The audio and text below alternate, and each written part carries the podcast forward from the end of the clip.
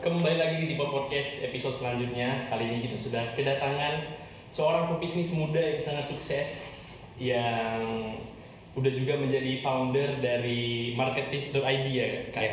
yaitu Kak Albert. Halo Kak Albert. Hai, halo Isan. Bisa say hi kak. Hai.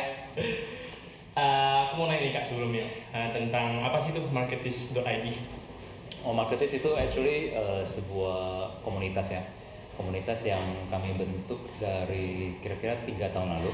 Tiga tahun. Ya, jadi Marketis itu eh, kepanjangannya sebenarnya marketing scientist and artist. Oh, ya, ya. So oke. it's basically eh, maknanya itu sebenarnya sebagai seseorang yang involved di marketing, kita harus bisa mengerti dari sisi data, Mhm. which is science, tapi juga mengerti dari sisi manusianya, which is the artist side. So that's why I name it Marketis. Marketis. So kita eh, komunitas kita di Facebook group itu udah like 100 ribu members lebih. Facebook group. Facebook group ya. Oh, Oke. Ya, so actually this is a, a digital marketing training company yang kami buat juga. Oh, Hmm. oke, oke.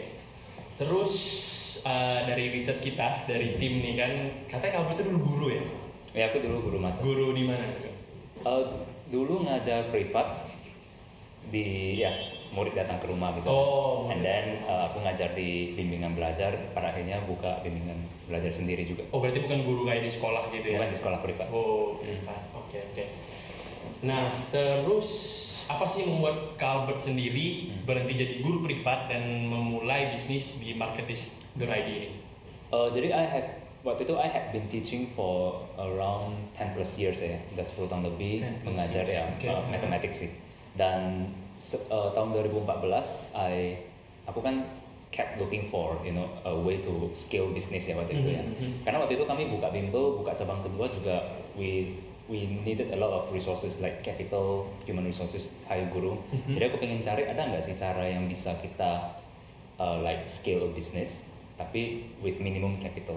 Jadi aku Oh. research di Google dan sebagainya, aku ketemu ada yang namanya digital marketing, bisnis online dan sebagainya. Nah, jadi waktu itu aku uh, coba do further research dan coba try and error uh, sampai akhirnya I really saw the potential and I decided to go uh, 100% online gitu ke digital marketing. Oh, itu berapa lama tuh Kak? Mencoba sampai Uh, one tahap- year sih. oh, satu tahun aja? 2014 sampai 2015. Langsung klop, dapet? Ya, langsung dapet feeling and Oke. ya decided Oke, oke, oke. go full online. Hmm. Terus menurut Albert sendiri itu eh, digital marketing itu kan lagi hot topic sekarang kayak di mana-mana ada tuh digital marketing terutama belakangan ini. Jadi apa sih menurut kakak yang membuat digital marketing itu sangat digaung-gaungkan kayak mau mulai bisnis coba digital marketing gitu-gitu. Apa sih membuat digital marketing itu jadi gede sekarang? I see. I think digital marketing uh, waktu aku mulai belajar 2014 ya itu sebenarnya juga mungkin karena aku belajar dari luar negeri Mhm. jadi aku belajar dari online courses dari US Europe gitu kan Oke. and for them itu udah like udah udah biasa gitu digital Hmm, marketing ngerti. ya kan dan tapi waktu itu di Indo sebenarnya juga udah mulai banyak uh, bisnis small business yang melakukan digital marketing cuma memang belum sebanyak sekarang Oh. I think I think sekarang itu menjadi uh, me- menjadi topik yang lebih panas lagi karena ada pandemi ini kan. Iya, benar. Jadi pandemi kemudian menyebabkan ada PSBB sehingga orang nggak bisa keluar dan kebanyakan bisnis terutama bisnis yang buka di mall di tempat publik jadi terganggu. Konvensional gitu ya. Konvensional benar. Jadi orang jadinya dipaksa atau motivated untuk uh, find a way how how to solve this problem which is to go digital. Ya, benar-benar. Mhm. Digital marketing itu termasuk kayak endorse nggak sih kak? Atau beda lagi ya? I think digital marketing itu sangat luas ya. So it's like marketing kan luas banget. Iya, benar. Part of marketing ada digital marketing. Nah digital marketing sendiri juga banyak banget uh, aspeknya.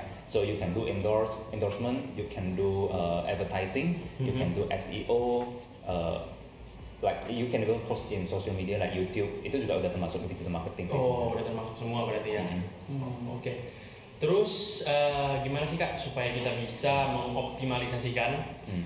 penggunaan dari digital marketing itu sendiri untuk produk kita yang mau kita jual dan juga concern orang-orang yang banyak tuh kan kayak nggak mau coba digital marketing karena mungkin concernnya itu cost bukan cuma uang mungkin Hmm. mereka nggak ada effort atau lack of effort Hmm. untuk bikin video promosi atau Hmm. promosi di sosial media gitu Hmm. jadi gimana menurut kakak untuk kita supaya tergerak untuk bikin digital marketing Ya, Eh, I think banyak faktor yang menyebabkan seseorang itu nggak nggak belum mulai ya ke digital marketing ya.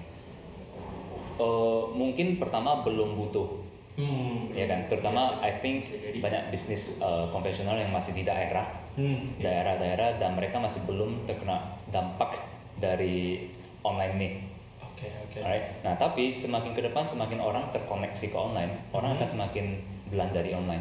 Jadi kalau bisnis-bisnis konvensional yang mereka tidak mau berubah ataupun tidak they do not even consider entering online, itu akan sangat berbahaya. Hmm. Berbahaya dan maksudnya gini.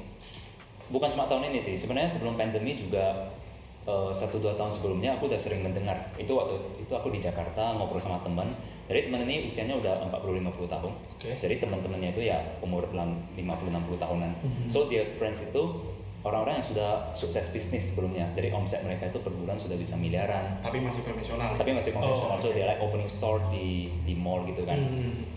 tapi uh, this last one two years itu like mereka ke efek banget sama online because people Oh, transact transact itu di online jadi mereka nggak beli lagi dari mall uh, sales mereka drop and they do not know how to maneuver to digital Oh. either they do not know atau mereka merasa mereka gaptek Ah. or they are too late too late Yeah. as in udah udah terlanjur customernya itu to move ke bisnis online gitu move ke Oh. bisnis lain Iya iya. So imagine kalau mereka starting three or four years before mereka udah prepare, oh ini kayaknya digital udah mulai masuk. I need to prepare from now on. Nah itulah maksud saya uh, buat bisnis yang masih yang sekarang masih belum tergerak untuk mau masuk online, Mhm. be careful gitu.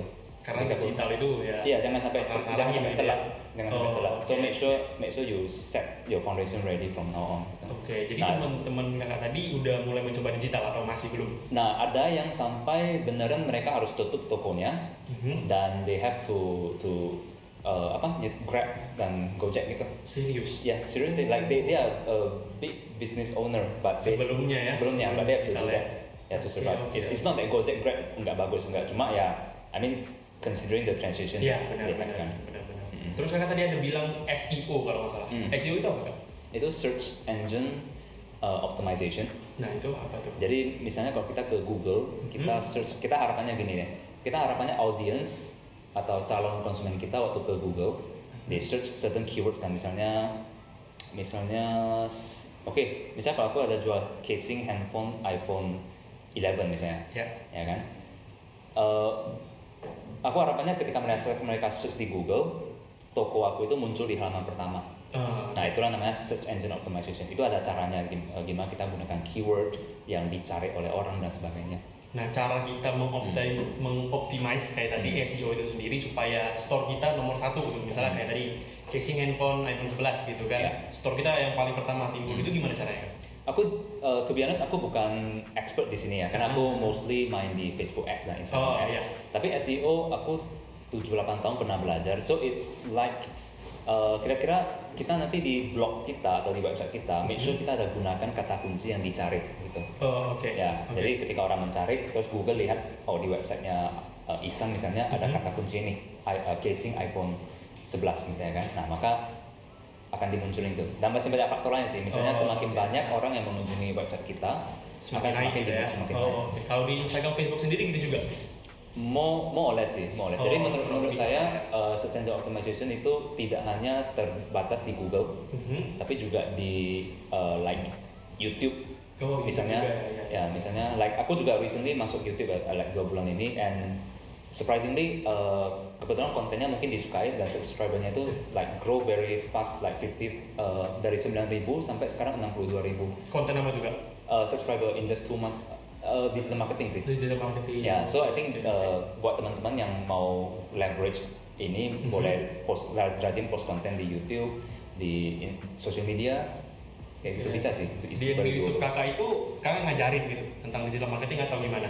Ya, I, aku ngajarin sih sharing Oh, about ngajarin. Mungkin boleh marketing. dicek apa nama YouTube kakak? Albert Leonardo. Oh, Albert Leonardo, Hmm. boleh dicek. Terus eh, solusi bisnis di masa pandemi ada nggak kira-kira solusinya kayak sekarang kan orang banyak stuck gitu, Hmm.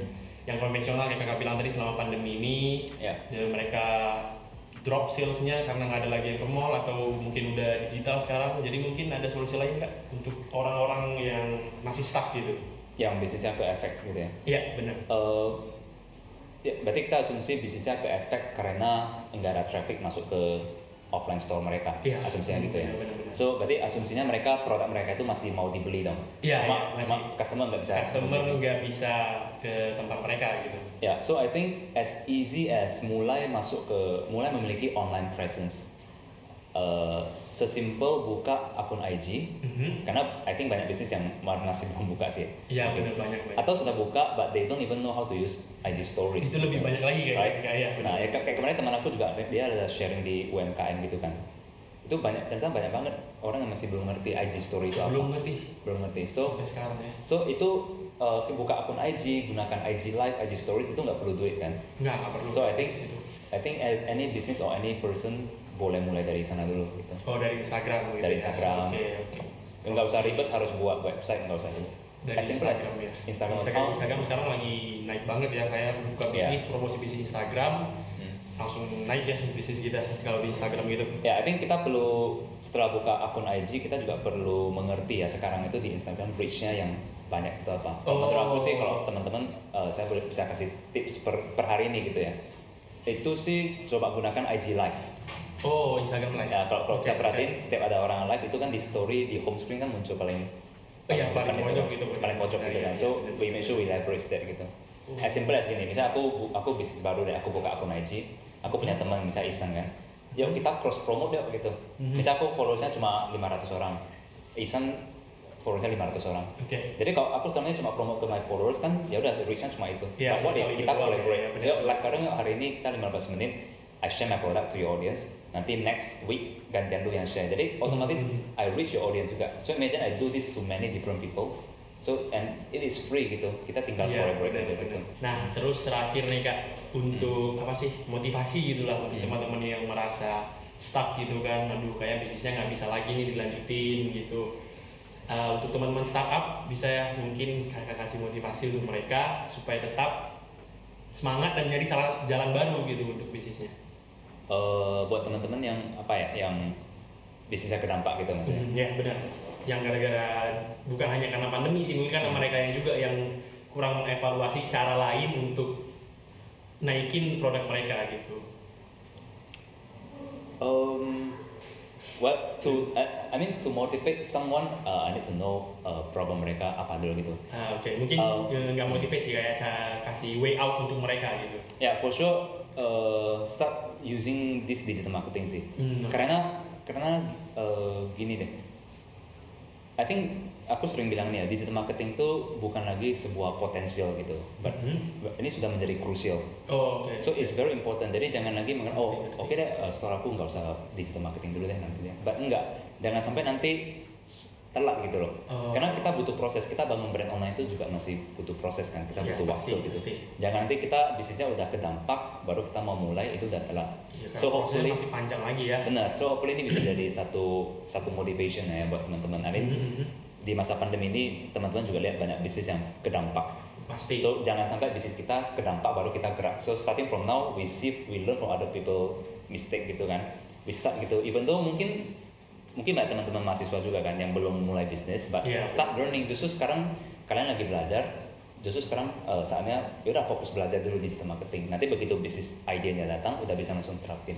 Oke, berarti mulai dari sekarang jangan sampai telat karena udah telat tuh pasti bakal lama ya kayak Ya. bakal lama dan mungkin bakal stuck juga ya nggak mungkin ada kemungkinan nggak berhasil juga ya I think one motivation for for teman-teman itu yang aku rasain ya lima Hmm, eh, empat tahun lalu ketika aku switch dari offline ke online ya itu enak banget sih.